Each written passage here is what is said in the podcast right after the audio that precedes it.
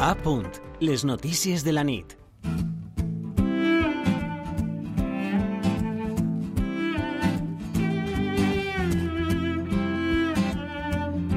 Són les 8 i 25. Sovint, si pensem en soledat no desitjada, pensem sobretot en la gent major.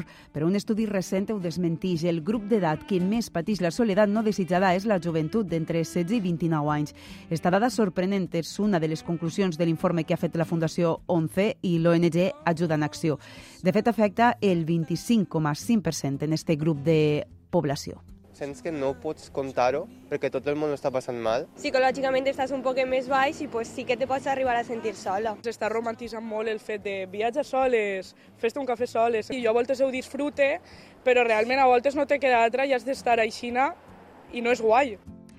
Sentiments, José Soler, bona nit de nou, que confirmen les dades i que volem analitzar amb més profunditat. Bona nit de nou, Alba. Definim primer el que és la soledat no desitjada. Segons la Creu Roja, es tracta d'un sentiment dolorós que sorgís de la discrepància entre les relacions socials que té una persona i les que li agradaria tindre. No es tracta d'una situació buscada i va molt, va molt més enllà de la falta de companyia, ja que una persona es pot sentir sola, tot i estar envoltada de gent, i per contra hi ha persones que no se senten soles, tot i que viuen soles o en llocs aïllats. De fet, segons aquest estudi, la joventut que viu en municipis d'entre 50.000 i 500.000 habitants té un nivell més gran de soledat en comparació amb la joventut rural. I l'economia també afecta, segons ens explica la psicòloga Piedat Canelles. Hi ha diversos factors de risc, no? com són si s'arriba a final de mes o no, si este, si este treball o no, si eh, tenen èxit amb els estudis. Eh, pareix ser que està tot molt relacionat amb la desigualtat.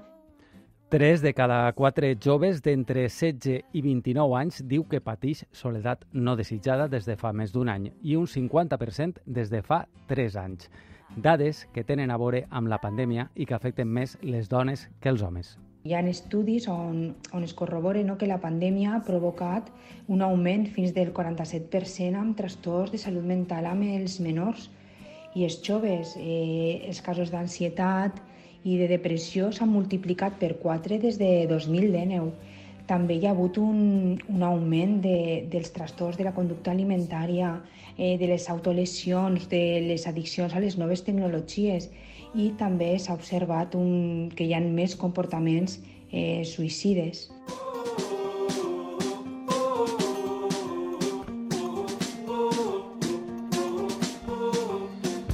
Són unes dades estes que contrasten amb l'actual món hiperconnectat i on la joventut té més eines per a sentir-se acompanyada.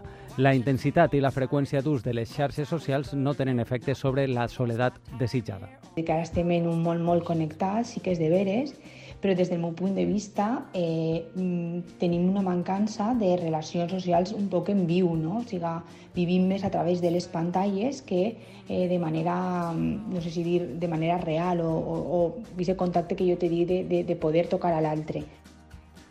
Saber comunicar i tindre eines per a resoldre els problemes de salut mental des de l'escola són algunes de les recomanacions de les veus expertes.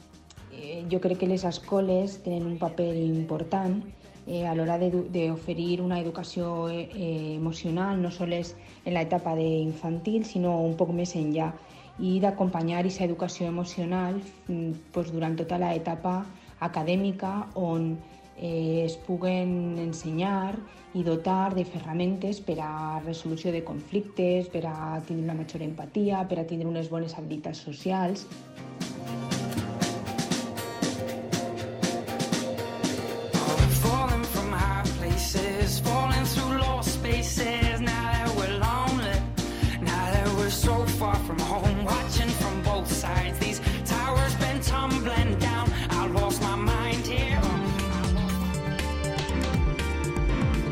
Escoltes a punt, les notícies de la nit.